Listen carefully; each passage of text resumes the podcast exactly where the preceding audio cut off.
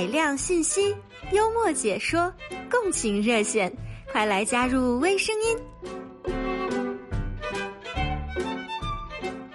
听众朋友，早上好，欢迎收听每周四给您带来欢乐的微声音，我是谢欣，我是。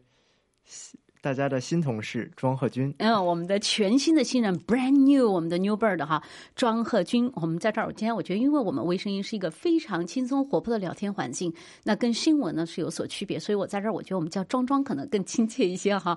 今天庄庄第一次搭档跟我做微声音，非常期待，因为小伙子，我觉得年轻人就是他特别有那种热血，有那种冲劲儿，所以早上一看到这个题目，庄庄说：“哎呀，我有好多话说。”马上哈，这个咱们的刘俊杰，我们的俊老师马。说：“哎呀，应该把这个机会给到年轻人，让他来分享。我也很开心能够搭档我们的年轻同事，有新鲜的血液补充进来，因为给我们一些新的启发。所以热烈欢迎庄庄加入我们今天的这个谈话哈。那今天这个聊的这个话题呢，其实挺酸爽的。所以庄庄他很有这个自己的丰富的这个经历要跟大家来分享。是说什么呢？因为开学季又到了哈，庄庄我们跟大家分享的是很多年轻父母在欢呼神兽归笼之际，我们看到有关九零后、零零后年轻人的梗特别多。其中有一个，来庄庄跟我们分享一下。呃，相信大家最近这个也有关注，呃，最近的新闻报道，对很多的新闻报道嘛，然后。呃，学生马上就要开学了，但是像我这种刚刚二十岁出头的人，就是除了学业之外，还要兼顾一些工作。但是马上我就要即将迎来一边上学一边上班的生活了，所以怎么能不酸爽呢？刚才庄庄一说，把我惊到了，因为我想他只是在我们这里实习嘛。因为一想这种一边又要上学又要工作，而且澳大利亚的大学我们都知道，那可不是闹着玩的。进去以后那个海量作业。对不对？对呀，每学期到最后，看到我的所有同学们精神状况都特别的憔悴，那个眼神是呆滞的、游离的，对不对？眼里都没有光了。哦，眼生活里有光才吃嘛嘛香啊！我们就想，这个时候这么辛苦，刚才庄庄一讲，又要上学又要上班，而且他刚才告诉我，他可不止打了一份工。这种本来讲蜡烛两头烧，就是一种很崩溃状况。现在庄庄是几头都在烧。年轻就是好，我给你点个赞赞，就是大拇指竖起来。要叫我现在，光是这份早班，已经让我觉得那天俊杰他们讨论一个话题，就说三伏天儿，就不叫三伏天儿，咱们澳洲不是特别热吗？你有什么样的方法可以让自己凉快下来？当时我心里一直有一句话在腹诽。有一个最简单的，把自己工资单拿出来一看，那心里拔凉拔凉的。好，跟大家玩笑开过了。刚才在讲，现在的年轻人在上学、上班、上进当中选择了上香，因为好多这个包括电视画面、新闻也拍到了，在寺庙里去啊求神拜佛的呀，这个年轻人这也比较多，也反映了其实一种社会现状，就确实压力比较大，特别卷。然后庄庄跟我们分享一下，我们今天当然先跟大家来，在庄庄分享之前，跟大家再说一下啊，我们今天讨论的话题就是，您是否被课业曾经压得喘不过气，然后到了职场上又为生计、为了家庭奔波无休。在学校的时候面临的是熬大夜、爆肝做作业、赶 AC，然后呢，到了这个职场上呢，又开始了九九六零零七这种没办法的选择。所以，无论是为了升学苦读熬夜，还是职场竞争到废寝忘食，今天我们微声音的欢乐共情热线一三零零七九九三二三，就期待听到您的声音，分享您的经历和看法，跟我们来看看。哎，您觉得自己曾经上学，或者现在像 庄庄这个，其实。上学和上班同时进行，两条腿走路和上班，你觉得哪一个更酸爽？哈，这个词儿现在也是一个比较时髦的网络上词儿。这个酸爽啊，其实它真的不是爽。这是一种会呼吸的痛。来，我们听众朋友哈，我们到时候呢一边开通热线，现在已经开通了一三零零七九九三二三。但与此同时呢，我们也会给大家准备了很多欢乐的信息，一边唠嗑一边等大家的热线。因为很多人现在也这个出海外去休假呀、探亲啊，可能打电话听众朋友比较少，但没关系，我们准备了足够的料。那首先，庄庄刚才讲讲自己蜡烛几头烧，现在就是自己，而且你刚才跟我讲你这。种日子已经不是现在第一次了，有一段时间了哈。呃，确实，因为我现在正在读大三嘛，我其实是从大一开始就有在外边工作的。当时就是，呃，一边上学一边上班。当时的话，因为刚刚成年嘛，想要自己稍微独立一点，家里也比较鼓励我去，呃，赚一些社会经验这种东西。但是后来发现，呃，进入了社会之后，真的觉得上学还是蛮幸运的。但是每当你呃，学期到了末尾，有好多 essay 赶在一起要交的时候，你还是发现，哎，都大家都不容易啊。嗯，刚刚讲到了大一的时候就进社会去打工，当时想的社会，我觉得年轻人才可能进社会的时候踌躇满志、挥斥方遒那种感觉，意气风发。进社会有被毒打过吗？因为作为庄庄，特别想。不想暴露自己的年龄，但是庄庄只比我儿子大三个星期，所以看你有一种看儿子的感觉，就是那种就是入了社会以后，我们作为家长经常有句话，就说我给你说一万句，抵不了社会毒打你一次。所以有被社会毒打吗？这个当然有了，而且数不胜数。真的，啊这么乖的孩子，谁告诉我？我这么好的孩子？没有没有，可能是因为我刚。之前只有在学校待过，然后在学校里还经常自己是各种 leader 嘛，然后就总是觉得自己是一个比较有话语权的人，但最后上班之后发现自己只是一个普普通通的螺丝钉，把自己的每块砖搬好了就行了啊，就是对身份上有一个比较大的转变。但是你看，你马上就能够把自己的这个定位就认得很清楚了哈，哎，这个心态非常好。我觉得年轻人，我们今天线上有一位听众朋友来分享，那我们待会儿再接着听呃庄庄的这个职场和学这个学校里的故事。我们先来接听，好，早上好，洪先生。哎，早上好，洪先生，能听见我们吗？听到，你能听到我吗？哎，我们现在能听见，非常的清楚。洪先生要来分享一下，您觉得之前自己读书，当然有可能现在还在继续深造，和现在在职场，你觉得哪个更酸爽？呃，我觉得读书更爽一些了，但是我也是有的，呃，我我读书的时候也是。读书的时候也在打工，然后，嗯，进入职场也是在去年，所以我也是一个像小庄哥一样比较新的一个新人，啊，对，然后我感觉读书的时候虽然苦了一点，但是相对来说没有那么多压力，啊，进入职场以后，可能也是因为，嗯，种种原因吧，一个是。新人刚入社会，第二个的话就是在异国他乡，我觉得压力还是挺大的。嗯，不过反正我我觉得我相信自己会最最终慢慢适应吧。嗯，然后谈到读书的时候，我觉得，嗯，我个人，呃，觉得还行。其实，嗯，会有一些很多时候就真的熬夜爆肝，然后，嗯，有的时候真的是在躺平和卷之间选择了上香。特别是有的时候写 essay 或者是写 assignment，嗯嗯，真的，它这个东西很主观，所以有的时候就只能上香了，知道？哎，就是尽人事听天命，对不对？是是是是，嗯。其实现在上班的话也还是比较辛苦的职场，我觉得大家都有做新人的这么一个过程。就像你看，我们开车路上经常看有些人这个车尾贴一个“新手上路”，请大家多多担待。就慢慢的，我们给新人一些机会。像我们庄庄也正在慢慢的适应，适应的很好。而且洪先生感觉你的心态也非常好的。嗯，而且我觉得。嗯，小庄哥他一个非常优秀的点就是毕业之后就能找到工作，实习的时候就被留了下来。其实现在很多年轻人，无论是国内还是国外，面临的一个问题就是毕业即失业。嗯，这一点其实是非常好的，因为就足够优秀才可以。嗯，对，无缝衔接嘛。好像我们庄庄特别想有什么要跟你交流的。呃，这个这位洪先生您好啊，首先我想非常感谢您的认可，但其实我想。澄清一下，我也并没有不能算是找到工作，因为我现在只是大三在读，我还有一年半本科才毕业，所以我现在只是一份兼职，并没有找到全职的工作。所以的话，我其实也是有面临着毕业及失业的这个风险的。同时，我作为一个年轻人，大家现在都这么丧，我有时候也会比较焦虑的。所以，其实大家都差不多了。嗯，这个焦虑，我觉得没有人好像就没有焦虑这种一。一帆风顺、一蹴而就的，但是我觉得这个心态调整，你们两位的心态都特别好，我值得我特别学习哈。你们都说就是尽人事、听天命，但是我并没有说完全躺平，还是在努力的。我觉得小庄哥完全没有在躺平，因为很多时候 留学生，对吧？很多时候，嗯，对，某些留学生真的是就，呃，上课都不怎么上的。小庄哥是在。这个大学期间就已经开始找相关的兼职，然后相关的实习，我觉得这这一点是一个非常上进的体现，在澳洲并不常见。嗯，在一个谢谢比较好的洪先生嗯，我觉得自己周围的年轻人这么上进，对我们也是这种，嗯、对我们这种年长了的、上了年纪也是很大的一种鼓励。我那天给俊杰在讲，就特别看到像庄庄他们这样的进来哈，洪先生像你们这样的，我觉得有时候一提到，我就让想到我们刚刚进 SBS 的时候，也是那种意气风发，有时候会问自己，哎，我当年的热血到哪里去了？就也会去反省自己。而且刚才庄庄也讲到了，他也自己。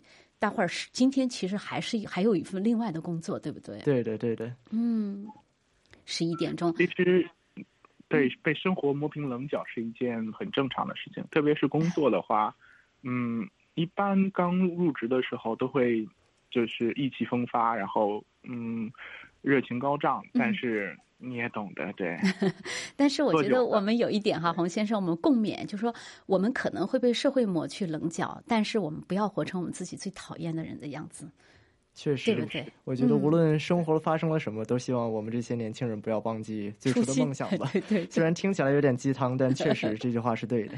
嗯，哎呀，非常感谢洪先生。我知道，其实您刚才讲到了自己也是呃在这边刚刚过来工作嘛，我觉得都有一个过程，没有关系。就 SBS 我们也经常在说找到家的感觉，我们也很喜欢和你沟通交流。你就觉得把 SBS 当成一个，哎，我们可虽然物理空间很远，但是我们心灵上的空间是很近的。你可以跟我们这样的家人来进行分享。然后你看，像我们这儿有跟您年龄相仿的人，对不对？像我们庄庄也是，大家其实每一个人生活当中，我觉得。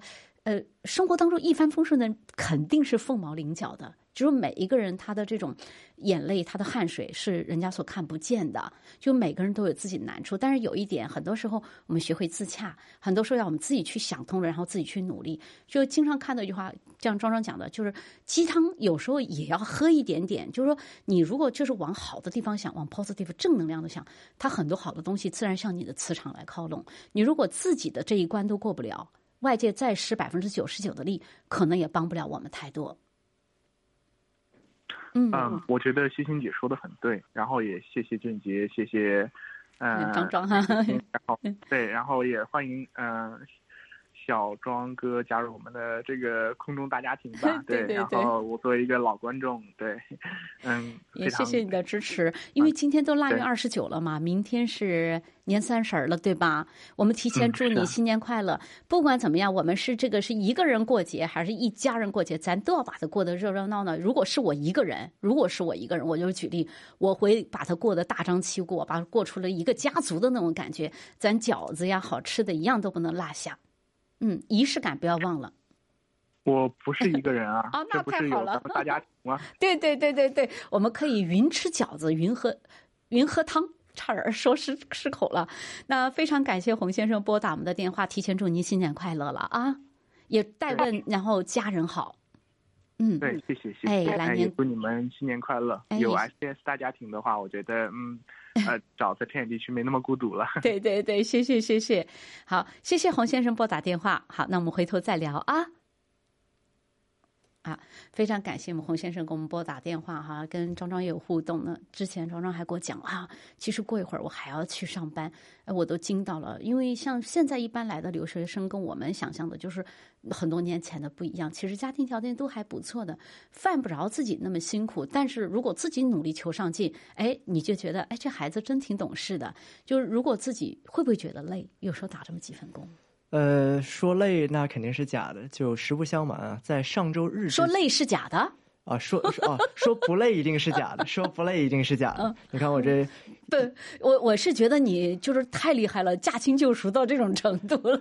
那倒没有，那倒没有。实不相瞒啊，在上周日之前，我连上了十三天班，然后所以的话，那一个周日让我的感觉就是像天堂一样。但但是呢，那个周日我唯一两周以内休息的那一天，我被我一个同学叫出去陪他逛街了。所以的话，那天也没有就是在家里躺平。然后第二天我就开始上早班了。班了然后今天是早，我第四天上早班，然后也是非非常有幸能够来参加我们今天的这个微声音。嗯，对，所以今天我们的热线电话，刚才洪先生也跟我们分享了，也欢迎听众朋友继续拨打热线一三零零七九九三二三一三零零七九九三二三来分享一下自己哎，当初在学校和后来在职场，你觉得哪一个更辛苦，或者哪一个更酸爽？酸爽的意思就是它不仅仅包含了辛苦，可能还有一些尴尬，有无奈，对吧？我特别感谢我们的同事俊杰同学，好像给我背了一首歌，我大胆的问一下，不知道是给我留到最后，还是在当中叫《少年》。我特别想跟大家分享一下，因为我记得我小时候看了一部特别暴露年龄的电影，叫《英俊少年》。小小少年没有烦恼，我就是你会让你自己就一下听到这时候自己回到少年时代哈，少女时代、中年少女时代。那我们有没有办法请俊杰帮我们把这首歌跟我们分享一下？再接着今天的话题。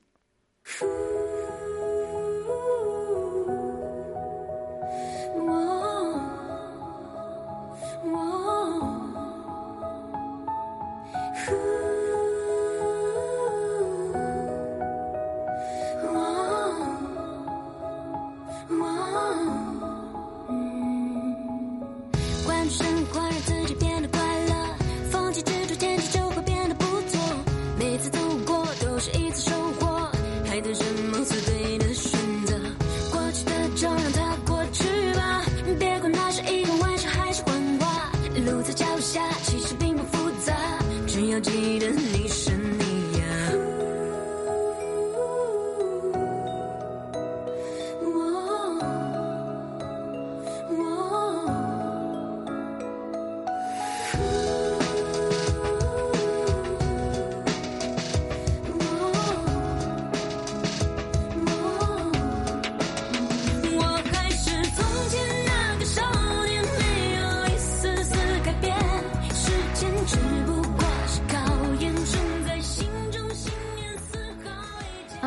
好励志的一首歌，时间只不过是考验，他给我们的都是经验哈。那现在我们把这个歌曲暂时放一放，因为我们有听众打电话了，不要让人家等太久。我们来接听一下，这位是李女士，李女士早上好。你好，祝你们身体健康。哎呀，谢谢。明明天是年三十，是我们中国的节日。对。所以我的我的过节呢，都是，呃，买了汤圆。你懂不懂汤圆啊？汤圆就是芝麻里边的汤圆。嗯。呃，有一个有一个歌就是卖汤圆，汤圆的圆圆圆。张帝的歌曲，我特别不想给你报出来这个原唱是谁。那李女士，您是用的免提吗？请问？我就是一个人住的。哦，知道。所以我买了汤圆呢，明天呢我就吃汤圆，过年三十。啊，您也快快乐乐哦！谢谢谢谢，还谢谢您专门从墨尔本打电话过来哈，祝您也节日快乐。我就说不管怎么样，哪怕一个人过年，一家人过年，一个家族都要开开心心的，对不对？邻居很好的，嗯，对。我们两两那的邻居有四四户是那个中国人，同声同气。所以我们很团结的啊！这异国他乡嘛，有时候远亲不如近邻哈。亲戚有时候我们还是没得选，但朋友都是自己选择提炼出来的。不能来啦。对对对，是啊，没关系啊。这是明天。我很高兴的，天天我都好高兴的。啊，那太好了。早上运动，呃，中午吃晚饭呢，大家出来谈谈心，运呃唱啊歌跳啊。嗯啊，哎呦，过得真开心。嗯，都是人！哎呀，这听不出来哈！我希望我能到您这年龄，还能够记得住我们 SBS 的热线电话号码，还能够打得进来哈。那我们也在这儿祝您的生活来年比您吃的汤圆还要甜。年呢，嗯哦，感谢感谢老听众。那李阿姨，我这放肆叫您一声阿姨哈，这八十多岁，跟我父母也差不多了。对，然后我们先，然后祝您节日快乐，因为后面还有几位听众，我们给他一点时间，好不好？谢谢谢谢。哎，谢谢您啊！你们身体健康。也感谢您三十多年的长情陪伴哈，人家说了，这个陪伴才是才是最长情的告白哈。刚才李阿姨跟我们非常甜蜜的分享，我们再次祝她的生活比这个汤圆里的黑芝麻馅儿还。甜，我们来接听下一位哈，庄庄名曲，这个叫丽丽，早上好，丽丽。啊，早上好。哎，我我打通你们的电台的电呃这个电电话，我都很高兴。哦，呃呃，很快就过农历年了。嗯呃，我说我可能说国语说的不好，因为我是广州人的哈。我完全能够听懂，没有问题。我我希望每个人都快快乐乐过新年呢。哦嗯呃，我们的传统的呃农历新年。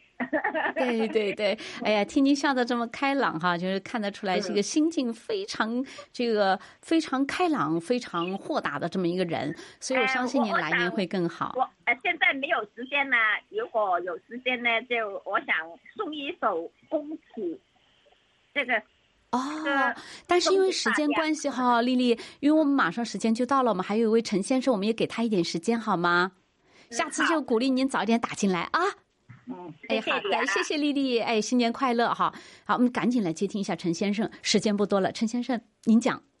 哎，你好，呃，正值这个中华民族的传统节日新春佳节，祝我们这个 SBS 的这个中中文组，呃，广东组啊，普通话组的这个全体的员工、全体的领导、员工新春快乐，万事如意啊，身体健康，恭喜发财。啊，谢谢陈先生，我相信我们的所有的同事都收到了您的祝福，也感谢您一直以来对我们节目的大力支持。那也祝您和家人来年身体健康，龙马精神。